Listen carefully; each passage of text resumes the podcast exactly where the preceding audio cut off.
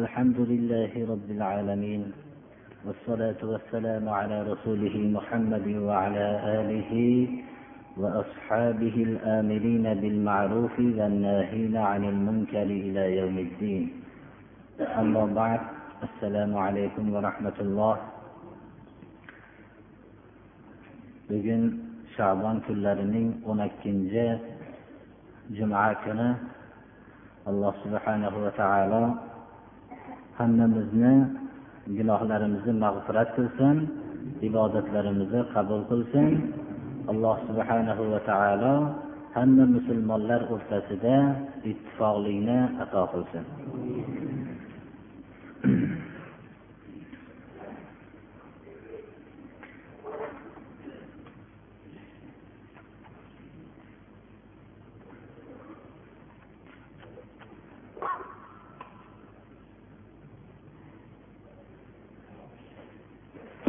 rohmanir rohim qur'oni karimdan juma kunida davom etayotgan darsimiz. Surai fotihani tamomlagan bo'ldik. Inshaalloh surai baqarani boshlaymiz bugungi kundan. Surai baqara qur'oni karimdagi eng katta hajmdagi suralardan. Surai baqarani oyatlari ikki yuz sakson yetti oyatni tashkil qiladi. Ulamolarning ittifoqi bilan surai baqara janobi rasululloh sollallohu alayhi vasallamning madinai munavvarada turganlarida nozil bo'lgan. Surai baqara baqara hikoyasi o'tgan payg'ambarlardan bo'lgan muso alayhissalomga xalqlar xitob qilishib ularning bir qabilalarning huzurida bir qotillik sodir bo'lgan bir kishining o'limi topilgan vaqtda bu o'ldiruvchi ma'lum bo'lmaganligi uchun xalqlar muso alayhissalomdan qotilini topishlikni so'rashganlarida alloh subhanahu va taologa iltijo qilganlaridan keyin alloh subhanahu va taolo bir molni so'yib uning ba'zi bir qismi bilan shu o'ldirilgan shaxsni urishlikka buyurdi va shu urgandan keyin maqtul o'ldirilgan shaxsning tirilib qotilini nomini aytib berishlikni muso alayhissalomga vahiy qildi. Ana bu narsa moddiy faqat ko'ziga ko'rgan narsalariga ishonib kelayotgan odamlarga bu narsa ajablanarli tuyuldi. Ular butunlay moddiy bo'lib ketgan emas edi lekin qalblari qattiq bir tosh misolida bo'lib ketgan edi. Payg'ambarning buyrug'iga itoat qilishmasdan ular bizni masxara qilmasak. Nahotki bir molni bir qismini bilan maqtul o'ldirilgan shaxsni ursak u molni biror bir bo'lagi bilan urilingan shaxs tirilib bizga o'zining qotilini aytib bersa bu molni nima ekanligini aytib bering deb savolni ko'paytirishdilar. O'zlari agar ollohni buyrug'ini qilishib birinchi buyruqni bajarishganlarida osonlikcha o'zlarining maqsadlarini topishgan bo'lardilar. Suollarni ko'paytirganligi uchun alloh subhanahu va taolo mashaqqatni ham ko'paytirib qo'ydilar. Keyin bu voqea bu mo'jiza sodir bo'ldi shu molga taalluqli bo'lgan hikoya bo'lganligi uchun bu nihoyatda boshqa kelajak musulmonlarga ibratli hikoya bo'lganligi uchun bo'lsa kerak vallohu alam. Bu suraning nomi ya'ni mol nomi bilan arab tilida baqoratun deyiladi. Surai baqara deb nomlangan. Inshaalloh olloh qodir qilsa bu xabarni alloh subhanahu va taolo qur'oni karimda bizlarga hikoya qilib bergan. Inshaalloh shuni o'zini o'rnida mufassarroq suratda bilamiz بسم الله الرحمن الرحيم ألف لام ميم ذلك الكتاب لا ريب فيه هدى للمتقين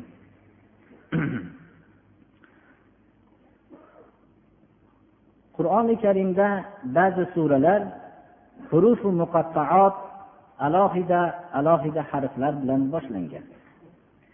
Sura baqara shu hurufi muqattoatlar bilan boshlangan suralar ichiga kiradi. Suralar avvaldagi hurufi muqattoatlar haqida mufassir ulamolar turlicha mazmunlarni berishganlar. Bularning eng afzalini shu deb tanlab olinganki sizlarning qo'linglarda turgan qur'oni karim harflardan tashkil topgan. Alloh subhanahu va taolo ana shu sizlar bilgan harflardan qur'on yasadi.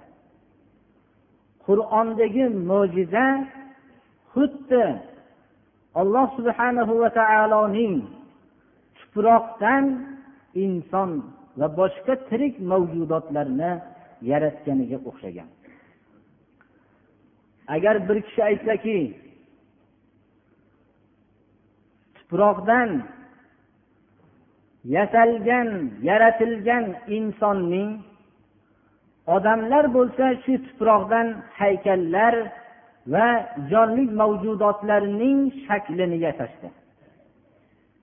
Agar bir kishi inson bilan haykalning o'rtasida nima farq bor desa bu odamning aqlini qanchalik past ekanligi ma'lum bo'ladi. Qur'oni karimdan alloh subhanahu va taolo bu mo'jiza shu harflardan tashkil topgan qur'oni karimdagi mo'jizaning mo'jizaligi shu darajadaki odamlar bu harflardan har xil hikoyalar va boshqa narsalar yozishdi. Bu hikoya bilan odamlar yozgan hikoyalar bilan qur'onning o'rtasida nima farq bor degan odamning nodonligi shunchaki odamlar tuproqlardan toshlardan yasagan haykal bilan insonning o'rtasida nima farq bor deganligi qanchalik nodonlik bo'lsa qur'on bilan boshqa kitoblarni barobar deganlarning nodonligi ham shunchadir birodarlar mana avvalgi harflarni qur'oni karimning ba'zi suralarida avvalda keltirilgan harflar mana shu holatga ishoradirki bu qo'linglarda turgan qur'oni karim sizlar bilgan harflardan tashkil topgan. Sizlar harflardan boshqa hikoyalar yoza olgansizlar. Ammo alloh subhanahu va taolo harflardan qur'on yasab yaratgan. Ana bu ollohning tirik mavjudotida qanchalik mo'jizalar bo'lsa qur'ondagi mo'jizalar ham bundan kam emas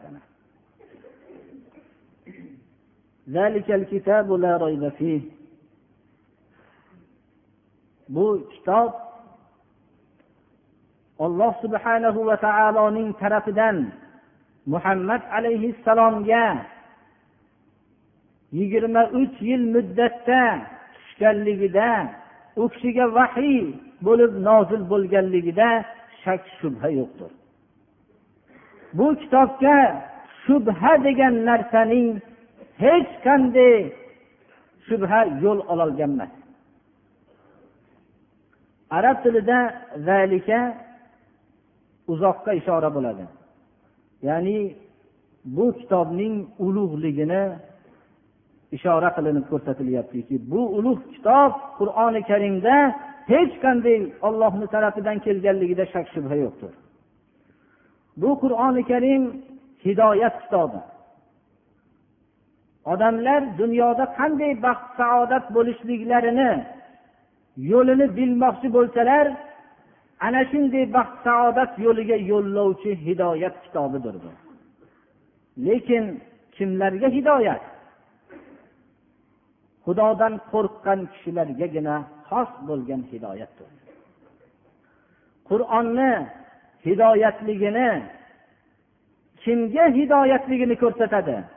Ollohdan qo'rqqan kishilarga taqvo egalariga. Umar ibn hattob roziyallohu anhu ubay ibn kabdan so'radilarki taqvo haqida savol qilganlarida ubay ibn kab aytgan ekanlarki tikanlik yo'lga yurganmisan dedilar tikanli yo'lga yurganman lekin shu tikanli yo'lga yurganingizda nima qilgan edingiz deganlarda ehtiyotimni hammasini ishlatib shu yerda biror bir tikanni bosmaslikka g'ayrat qilib ehtiyotkorlik bilan yurganman degan taqvo shuki xatolar tikanini ko'rganda ana shu yerdan ehtiyot bo'lib o'tishlik taqvo dedilar. Inson alloh subhanahu va taolo tarafiga yo'l olgan bo'lganligi uchun bu yo'lda nihoyatda ko'p tikanlar bor.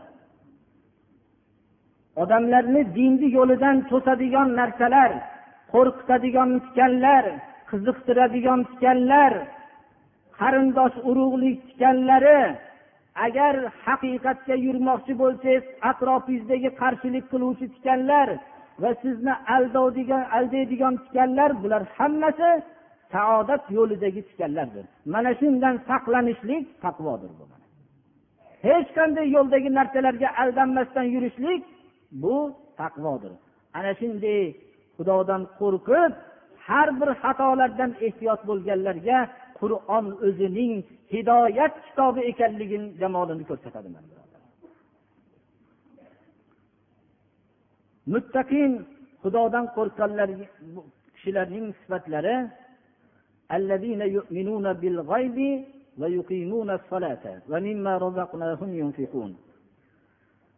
ularning xudodan qo'rqqan kishilarning birinchi sifatlari g'aybga iymon keltirishadi. O'zlarining ko'zlariga ko'rinmagan olamning bor ekanligini tasdiqlashadi. Ular moddiy kishilarga o'xshagan faqat o'zlarining ko'rgan narsalarigagina ishonadigan tang fikrli kishilar emas. Ular ko'zlariga ko'rinmagan olamning borligini g'ayb tarafidan kelgan vahiy xabari bilan va hamda o'zlarining ruhlari sezib turishligi bilan iymon keltirishadilar. Mana ko'zlariga ko'ringan olamgagina ishonib kelgan kishilar birdan ko'zlariga ko'rinmagan olamdan xabar kelib qolganda unga nom qo'yishlikniga dovdirab qolishdilar hammalari. Bularning nomlarini har xil narsalarning nomi bilan qo'yib dovdirab qolishdilar hammalari.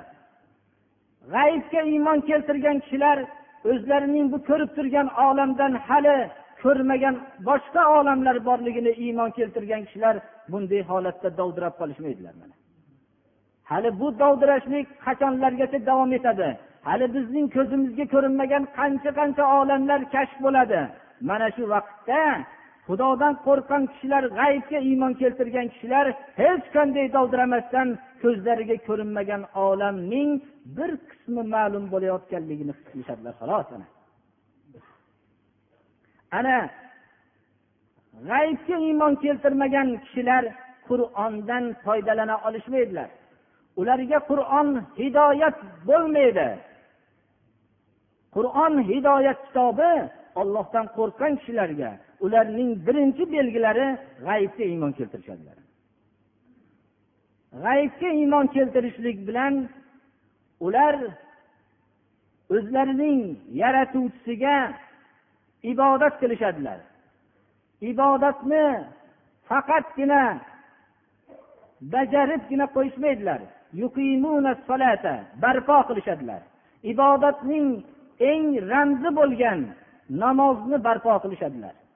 Qur'oni karimda doim namozni o'qishadilar kalimasidan ko'ra namozga buyurilgan joylarda va solata namozni barpo qilinglar degan buyruq keladi. Namozni o'qish boshqa namozni barpo qilishlik boshqa. Shuning uchun namozning barpo qiluvchilarning holiga voylik e'lon qilingan emas. Namozni o'quvchilarning holiga ba'zilari namoz arkonlarini rioya qilmaslik namozdan bo'lgan manfaatlarni hayotlarida ko'rinmasligi natijasida ularning holiga halokat e'lon qilingan oyatlar bor.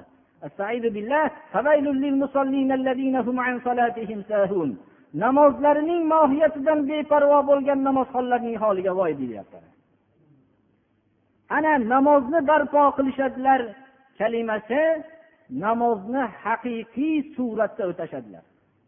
Namoz alloh subhanahu va taolo tarafidan insonga berilingan juda katta bir ne'mat. Insonga ollohniga munojot qilishlikka bo'lgan agar ta'birroq joiz bo'lsa bu ruxsat go'yoki ojiz banda uchun alloh subhanahu va taologa munojot qilishlikka bo'lgan ruxsat izn bu. Buni banda nihoyatda bir tashnalik bilan kutmoqligi kerak. Janobi rasululloh sollallohu alayhi vasallam holatlari dunyo tashvishlaridan ko'p tang bo'lib qolgan vaqtlarida ozon vaqti yaqinlashib qolsa biloli habashiyga o'zlarining muazzinlariga aytar ekanlar bilal ey bilol meni rohatlantir der ekanlar. Ana alloh subhanahu va taoloning munojot qilishlik bilan banda shunday zavq olmoqligi kerak. Agar biror katta kishi sizni taklif qilgan bo'lsa u bilan muloqot bo'lishlik uchun qanchalik hozirlanasiz bu bir zaif o'zingizga o'xshagan bir banda. Alloh subhanahu va taoloning huzurida bu yerda namozni ibodatiga tayyorgarlik ko'rishlik namozni barpo qilishlikka e'tibor berishlik bu mo'min sifat mo'minlarning sifatlaridan xudodan qo'rqqan kishilarning sifatlaridandirlar shuning uchun rasululloh sollallohu alayhi vasallam marhamat qildilarki bismillahi rohmanir rohim حبب إلي من دنياكم ثلاث الطيب والنساء وقرة عيني في الصلاة dedilar dunyodan menga uch narsa suyumli ko'rsatildi birinchisi xushbo'ylik dedilar janob rasululloh sollallohu alayhi vasallam xushbo'ylikni yaxshi ko'rardilar va ayollar dedilar ayollarga mehribon edilar ularga johiliyat davridagi bo'layotgan zulmni janobi rasululloh sollallohu alayhi vasallam islomni olib kelganlaridan keyin ayollar shundagina ular erkinlikka erishdilar. Erkinlik deganning ma'nosi birodarlar ayollarni erkaklarga o'xshatish demaslik kerak. Odamlar erkinlik deganda mana shu mazmunni olishlik natijasida inson jamiyatiga qattiq jinoyat qilishdilar. Janobi rasululloh sollallohu alayhi vasallam dunyodan xushbo'ylik va ayollarni ularga mehribonlikni ta'lim berdilarda va uchinchisi u kishiga namozdagi quvonchim dedilar. Namoz vaqtida u kishidagi quvonch bu xursandlik u kishida nihoyat darajada yuqori bo'lardi.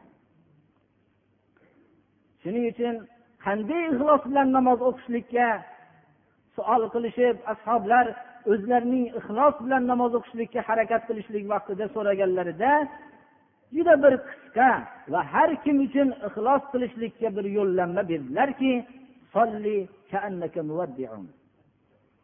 xuddi vidolashayotgan kishining namozini o'qing dedilar. Shundan keyin rabbimga yana sajda qilarmikinman?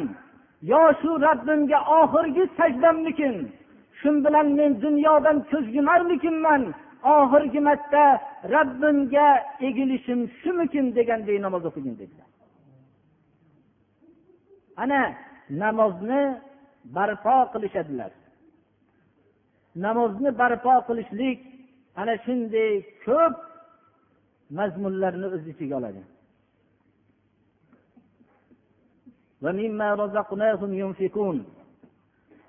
Biz bergan narsalardan deydi alloh subhanahu va taolo rizq qilib bergan narsalardan alloh subhanahu va taoloning yo'lida sarflashadilar.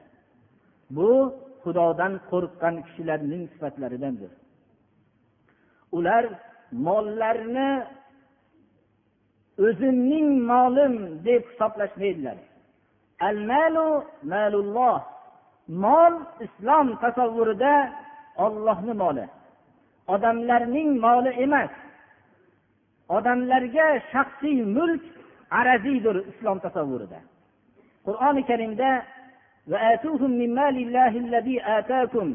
olloh bergan ollohning molidan beringlar. Demak islom tasavvurida mol alloh subhanahu va taoloning molidir.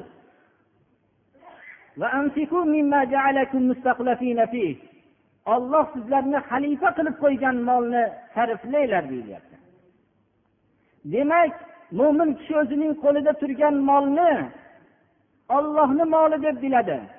Olloh bu mo'min kishini shu molga xalifa qilgan deb tasavvur qiladi. Men bu molning ustida omonatdor xalifaman. Agar bu molni joyiga sarf qilsam ajrlanaman. Agar xalifa bo'lgan vazifamda to'g'ri bajarmasam jinoyatchi bo'laman deb tasavvur qiladi. Islom tasavvuridagi mol shu. Ana shuning uchun biz rizq qilib bergan narsadan sarflashadi deyilyapti o'zlari paydo qilgan narsa deyilayotgani yo'q. Hech kim davo qila olmaydiki olamdagi topayotgan narsalarni birontasini men yaratdim deb davo qilolmaydi yaratish ma'nosi yo'qni bor qilish degani. Ba'zi daraxtlarning turlarini o'zgarishligini buni odamlar yaratdi degan kalimasini iste'mol qilishlari mutlaqo xato bu. Yaratish degani yo'qni bor qilish degani. Biror kishi davo qilolmaydiki qora pashshani ham butun yer yuzining eng olimlari ham yaratganman deb davo qilolmaydi. Ana bu yerdan shunday tushunishimiz kerakki biz rizq qilib bergan narsadan sarflashadilar deyilyapti demak inson o'zi sarflayotgan vaqtda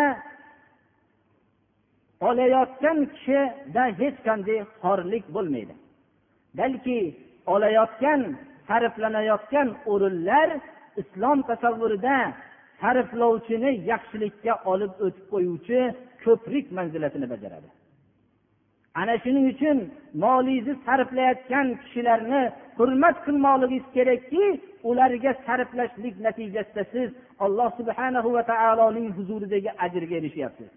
Va shu bilan birga allohga hamd aytmoqligingiz kerakki alloh subhanahu va taolo bandalariga bermoqchi bo'lgan narsani siz vosita qilib berishligi o'zi boshqa odamni tanlamasdan sizni tanlaganligi sizga o'zi bu ne'matlikka shu kifoya qiladi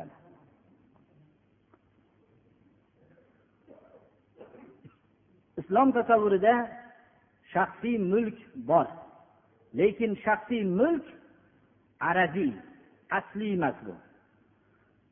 Shuning uchun abu muso ashariy ashariy qabilalaridan edi. Bu kishini maqtadilar. Abu musoya ashariyni bular ashariylar shunday kishilarki agar kambag'al bo'lib qolishsalar hammalari o'zlarini mollarini o'rtaga qo'yishib safarda bo'lishsalar ham o'zlarining turar joylarida bo'lishsalar ham jamlashib hammalari barobar qilib taqsim qilib yeyishadi. Ular mendan men ulardanman dedilar. Ana islom shuning uchun holatlar tang bo'lib qolganda xalqlar o'rtasida kambag'allik muhtojlik bo'lib qolganda islom peshvosiga ruxsat beriladiki odamlar mollarini hammasini bir joyga jamlab turib ularga barobar taqsim qilishlikka islom peshvosiga islom peshvosi bo'lishlik sharti bilan shunga ruxsat beriladi chunki mol odamlarning moli emas u ollohni moli edi. ular ollohni moliga bular xalifa qilingan kishilar deb islom shunday deb o'rgatadi o'zlarining tobelariga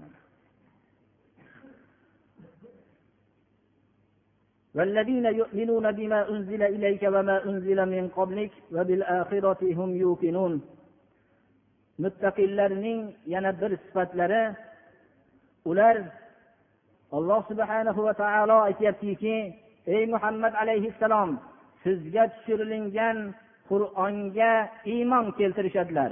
Olloh huzuridan ekanligini tasdiq qilishadilar. Va shu bilan birga o'zlari sizdan ilgarigi odam alayhissalomdan tortib to sizgacha bo'lgan payg'ambarlarga tushirilingan muqaddas osmoniy kitoblarning hammasini tasdiqlashadilar muttaqillar o'zlarining faqat bashariyatdan alohida judo bo'lib qolgan kishilar deb bilmaydi. Payg'ambarlar korvoniga boshchilik qilib yetakchilik qilib kelayotgan payg'ambarlarning hammasiga tushirilgan kitoblarni tasdiqlashadilar. O'zlarining bashariyat songidan tortib kelayotgan kishilar bilan hammalarining bir butun deb his qilishadilar. Ular faqat bir millat deganda faqat islom millatini tushunishadilar. Hamma bashariyatni bir butun deb o'zlarining ilgarigi o'tgan bashariyatga nisbatan hurmat bilan qarashadilar.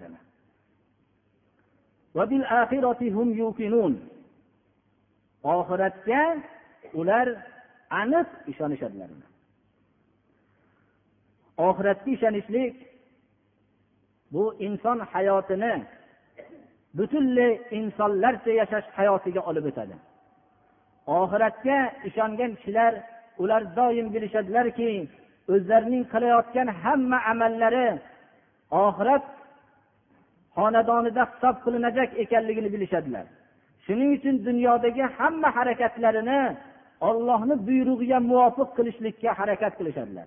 Oxiratga iymon keltirmagan kishi o'zining bor foydalanadigan dunyosi shu hayot ekanligini bilib qo'lidan kelgan hamma narsani shaxsiy manfaati uchun va o'zining shahvoniy lazzatini foydalantirishlik uchun shundan boshqani bilmaydi.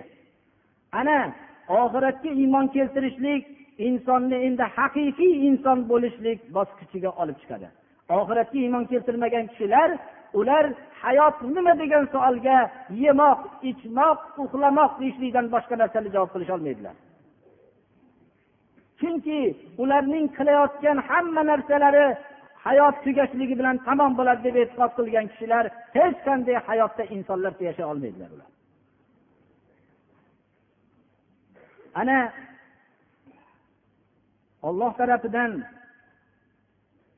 kelgan qur'oni karim hidoyat bo'ladigan kishilarning sifatlari. Bular birinchi qalblarida taqvo paydo qilishganlar. Hayotdagi har bir ishlarni qilishlikdan ilgari alloh subhanahu va taolo tarafidan shu narsa buyurilganmi qaytarilganmi ekanligini mulohaza qilishadilar. G'aybga iymon keltirishadilar. Va hamda ular ollohni o'zigagina ibodat qilishadilar. Ibodatning ramzi bo'lgan namozni barpo qilishadilar va mollarni faqat o'zlarining shaxsiy manfaatlariga sarf qilishmaydilar. Olloh rizq qilib bergan narsani ollohni bandalari hammasi bu molda sharik deb e'tiqod qilishadilar. Va o'zlarining faqat muhammad alayhissalomningdan keyingi davrnigina davr deb bilishmaydilar. Ular odam alayhissalomdan tortib bo'lgan davrdagi bashariyat bilan o'zlarining bir ekanliklarini his qilishadilar. Va shu bilan birga o'zlarining haqiqiy insonlik bosqichiga olib chiquvchi e'tiqod bo'lgan oxiratga ishonishadilar mana. Mana bunday kishilarning sifatlari bizning ko'z oldimizda namoyon bo'ldi. Hamma belgilari aniq ravshan bo'ldi. Alloh subhanahu va taolo shularga ishora qilib bular tarbiyat kunandalari tarafidan tarbiyat kunanda tarafidan jo'natilingan tarbiya uchun bo'lgan qur'oni karim. Mana shu qur'oni karim hidoyati ustida bo'lib yashayotgan kishilar haqiqiy kishilar shulardir deyapti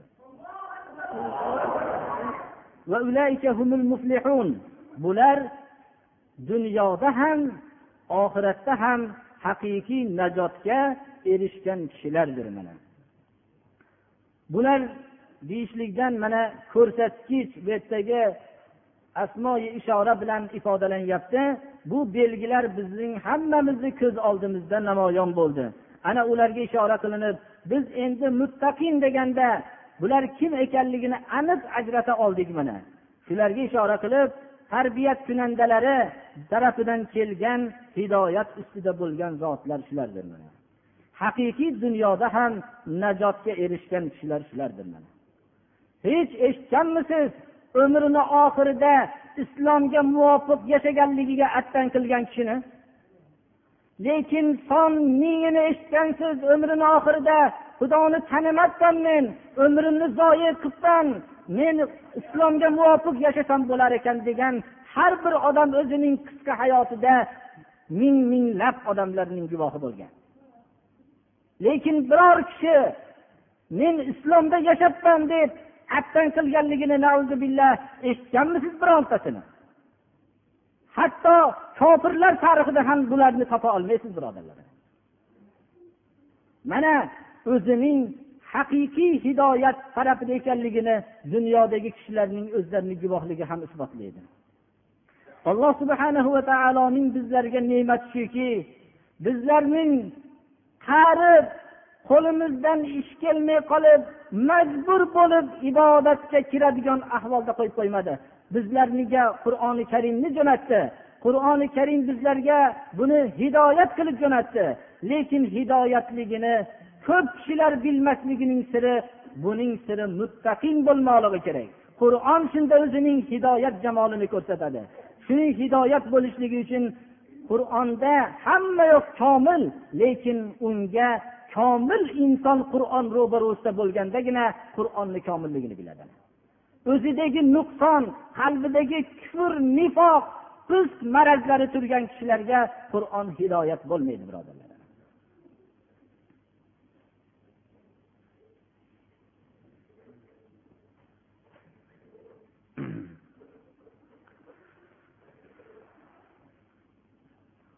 بسم الله الرحمن الرحيم اللهم تقبل منا إنك أنت السميع العليم.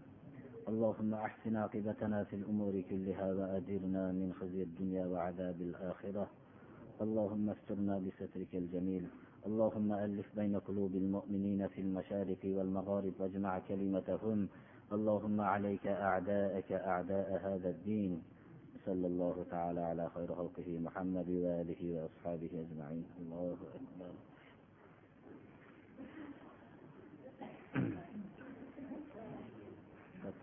tolib ilmlar qur'onni shu orqadan davom etayotgani yaxshi bo'lardi deyishdilar. Endi bir boshlab qo'ydikda birodarlar shuni. Bizga nimasi yo'q edi farqi yo'q edi. Biz shuni ikki porani hisobga olib shunday qilib boshladik.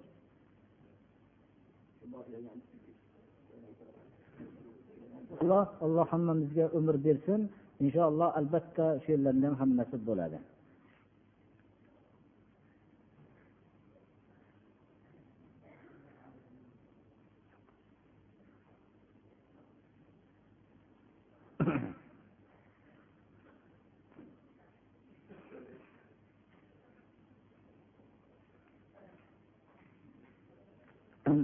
Oshgan suvni bir oyoq kiyimini yuvsa bo'ladimi deyiladi. Tahoratdan oshgan suvni bir ho'plab ichib qo'yishlik mustahab bu keyin boshqa biror kerakli narsaga oshib qolsa iste'mol qilsa bo'laveradi.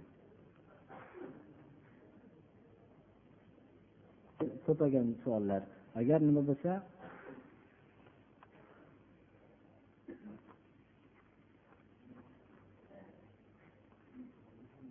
ba'zilarini nima qilamiz endi? Ba'zilarini olib qo'yamiz. Shu o'zlari bir uchrashadida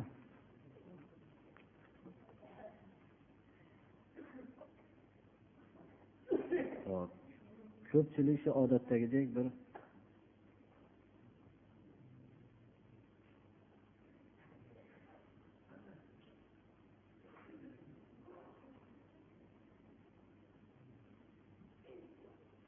ko'pchilik shu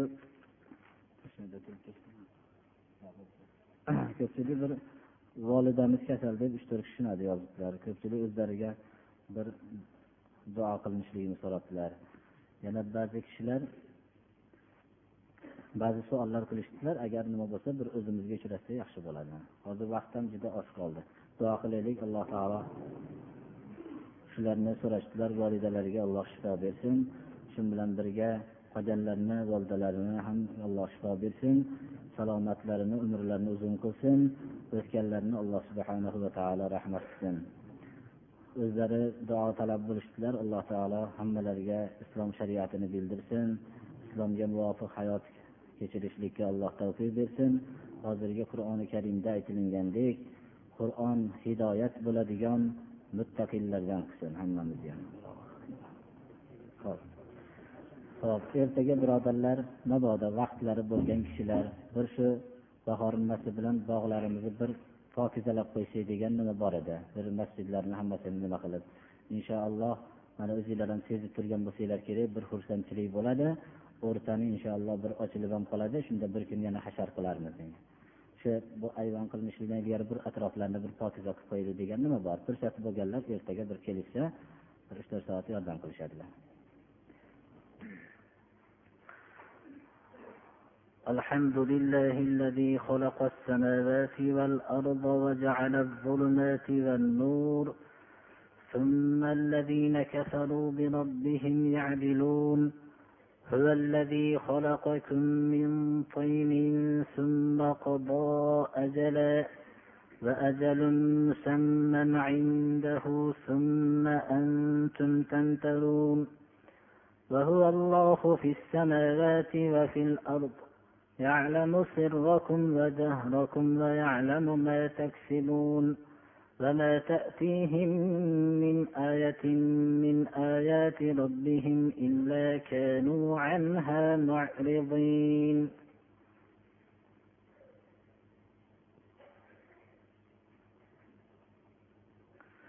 الحمد لله رب العالمين. والصلاة والسلام على رسوله محمد وعلى آله وأصحابه أجمعين. خصوصا على الصديق والفاروق وذي النورين والمرتضى أئمة رضوان الله تعالى عليهم أجمعين. اللهم أعز الإسلام والمسلمين وأذل الشرك والمشركين.